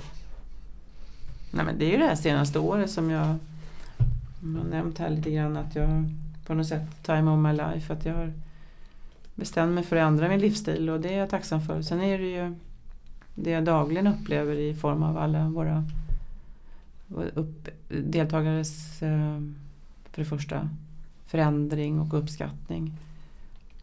Och i det ligger ju då min enorma tacksamhet gentemot alla kollegor som gör det här jobbet. Vi det vi gör tillsammans. Mm. alla är lika viktiga liksom, beroende på vad vi har för roller och vad vi har, hur vi bidrar i den här processen. För mig är det inte en som gör allt utan det är många. Är flera. Mm. Mm. Jag är ju jättetacksam för att jag kom på idén. Det kan jag säga. Att jag får göra det här. jag tänker aldrig pensionera mig så det blir ju... Never. Never. Nej men alltså nej men herregud, det är klart att jag kanske kommer trappa ner nu. Är bortrest. Men, nej, men eh, det, är ju, det är ju roligt att se alla, alla resultat. Att människor mår så bra. Och att jag själv mår bra. Det är jag tacksam mm. för idag. Mm. Mm. Um, fint. Kul och kul att höra verkligen. Mm, tack. Vad är du Va tacksam för? Um, oj. Nej, jag är tacksam för min familj, mina vänner, mm. att hitta vad jag vill göra. Och mm. sen faktiskt så är jag tacksam för mina utmaningar. Mm. Förutom dem så hade jag inte hade jag inte varit där jag är idag. Mm. Um, och jag är tacksam för att jag vågade tala ut och våga prata om mina ja, men min depression, min panikångest. För jag hade inte kommit ur om det, alltså, om jag inte hade pratat ut Nej. om det. För jag hade någonstans så mycket smärta inom, inombords liksom. Mm. Uh, så det är jag tacksam för att jag vågade öppna mm. upp mig liksom. För det gjorde så stor skillnad. Då mm. släpptes allting, all frustration och all smärta. Så det uh, är jag faktiskt väldigt tacksam för. Ja, och hälsan också får man ju säga. Ja, när jag, mm. jag, tänker på den tacksamhet jag känner för livet just nu. Den har ju två väldigt viktiga beståndsdelar. De heter Karin och Sofia. Vilka? Mina, mina döttrar. Mm. Det, ju, det går ut över alltihop. Mm. Så är det ju. De är ju helt underbara båda två. Också haft det liksom utmaningar i livet och gjort saker och jag ser hur de växer. Det är ju, jag är så otroligt tacksam för. Mm. Och att jag och min exman är så goda vänner. Och han jobbar ju med, med utvecklingsstrategier i företaget. Så vi är jättegoda vänner verkligen. Och han, stöttar, han har stöttat mig genom hela den här resan i 15 år. Så Mm. Förutom några år där. Efter min dela post kanske. Men, och hans nya familj. Jag tycker det är jätteroligt. Mm. Faktiskt. Det är, tacksamhet är en viktig att säga det också. Mm. Ja men precis. Jag, tror, jag tror jag lär mig mer av mina tjejer idag än, än någonstans. Det är jättespännande. Ja, där ser man. Ja, man kan lära sig mycket från andra människor. jo, men om, om, ledarskap och livet och mm. digitala frågor. ja, men speciellt där. ja, det är de bra på. Och ja, hållbarhet och sånt där. Det är spännande. Jag älskar modernitet. Mm. det gör jag faktiskt. Det gör det? Ja, ja, ja. allt ska vara modernt. Elegant och mm. modernt. Elegant och modernt. Mm. Det följer med alltså i tänderna. Mm. Ja, men det är kul att få träffa dig Kim, verkligen. Mm. Ja detsamma, jag tycker det var jättekul och kul att få vara här. Mm. En gång till dessutom. Ja eller hur, alla undrar varför är hon här igen. ja. Eh, den här frågan kallar jag tre sanningar. Så någonstans tre sanningar som du, som du har lärt dig från, från livet. Som du vill dela med dig till din familj och till, till världen. Du ska vara ner på, på en penna och papper och skriva ner tre sanningar. Vad skriver du ner på pappret som du har lärt dig? Åh oh, herregud, det var en stor fråga. Mm, just. ja, för det första att vi har allt inom oss. Det är ju verkligen någonting jag ser. Nu, döttrarna och mig själv och med andra. Det finns där inne. Att, um, att det inte är farligt att vara sårbar. Det kommer väldigt mycket kraft, energi och mod och kreativitet i sårbarheten. Och en stor sanning är väl att um, allt bygger ju på att vi har fina relationer med varandra. Mm. Vi människor. Mm. Att man visar omtanke och stöd och tar emot det också med respekt och tacksamhet. Mm. Mm. Du sa sårbar och så sa du fina relationer. Vad var den första du sa? Um, att vi har allt inom oss. Allt inom oss. Ja, den. Alla tre jäklar. De bra sanningar. Du ser ju hela ja. tiden det liksom att Ofta hör vi den här kommentaren, men gud var fick jag det där ifrån? Mm. Det här dolda vi har inom oss som man inte känner till, men det finns ju där. Det där tror jag också verkligen på att man ja. har Det gäller bara att hitta verktygen för att släppa ut de här grejerna så tror jag att vi, vi har allting inom oss verkligen. Mm. Jag ska också komma ihåg vad jag sa nu. Nej men det kom spontant, jag tror, tror på det här. Så att man är sårbar, att vi har mycket inom oss och att relationer är viktiga. Mm. Ja men tre, jag gillar dem, verkligen. Mm. Du skriver om det. Mm, ja. Um, till sista frågan då. Eller har du några frågor? Har du någon fråga som du vill ställa till mig? Någonting du men vi, funderar jag, över? Jag skulle kunna säga så här. Vi, det finns ju jättemycket att prata om. Jag skulle kunna mm. sitta med dig i flera timmar här. Vi, vi får bjuda in dig en tredje gång. Ja, men vi kan, ja, jag kan, ja. Kommer du berätta varför jag är här andra gången? Eller? ja, det kan jag i och för sig också säga. Ja. Jag blev av med min dator här i veckan. Uh, tyvärr. Så hade jag inte sparat ner heller tre intervjuer så tre intervjuer försvann ju, däribland din då. Ja. Eh, så vi fick ju, ja nu gör vi om den här. Så det var bara repetition förra gången? Ja precis, det var uppvärmning. Nu, nu, liksom, ja, nu är det real deal här. jag tror att jag jag har inte berättat allt som jag sa förra gången men det gör inget för nu har jag sagt andra mm. saker. ja, nej, precis. ja. Nej men jag tycker det är jättehäftigt och få, få frågorna eller liksom sitta så här och reflektera. För det är mm. inte så ofta man gör det. Mm.